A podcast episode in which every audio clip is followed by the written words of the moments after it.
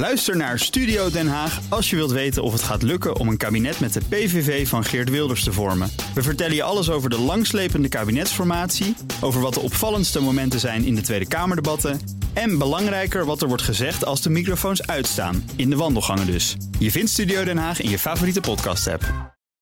De column van Bernard Hammelburg. Amerika besluit, China besluit en Europa vergadert. Dat eindeloos palaveren van top naar top kan tot stevige complicaties leiden, zoals nu. Moet de EU de harde lijn van het Amerikaanse China-beleid volgen of het zakelijke belang laten prevaleren? Over de vraag hoe Europa moet omgaan met China staan de Europese Commissie en de Europese Raad behoorlijk scherp tegenover elkaar. Commissievoorzitter Ursula von der Leyen, pas op bezoek bij Joe Biden, steunt diens harde lijn. Snij invloedrijke techbedrijven de pas af als ze samenwerken met China. Saboteer de Chinese industriële en commerciële ambities. De Europese Raad, het hoogste EU-gremium en het enige met echte macht, trapt op de rem. Voorzitter Charles Michel wil, zoals Politico het formuleert, een minder confronterend China-beleid. Hongarije en Griekenland willen de deuren openhouden. En vooral Duitsland zoekt compromissen, want de Duitse auto-industrie investeert enorm in China. En Olaf Scholz is ook blij met de verkoop van ruim een kwart van de haven van Hamburg aan China. De hardliners, zoals Biden en von der Leyen, maken zich zorgen over de wijze waarop China uit de coulissen van de geopolitiek stapt. Zoals het verdrag met de Salomon-eilanden, dat China het recht geeft daar troepen en marineschepen te stationeren.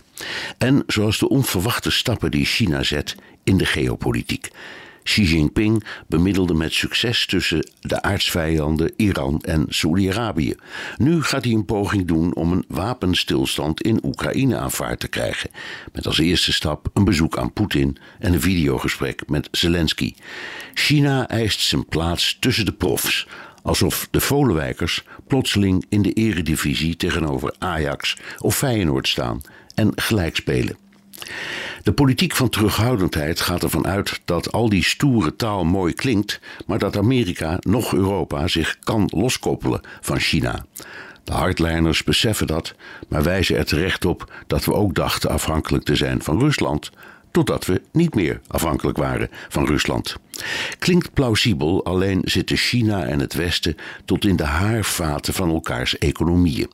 In 1993, niet lang na de meedogenloos neergeslagen Tiananmen-opstand in Peking, verlengde de toenmalige president Bill Clinton een overeenkomst met China voor gunstige handelstarieven.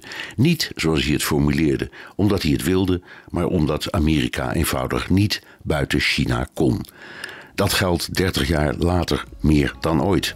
In die realiteit kan het niet anders dan dat de Europese Raad met zijn voorzichtige aanpak gelijk krijgt.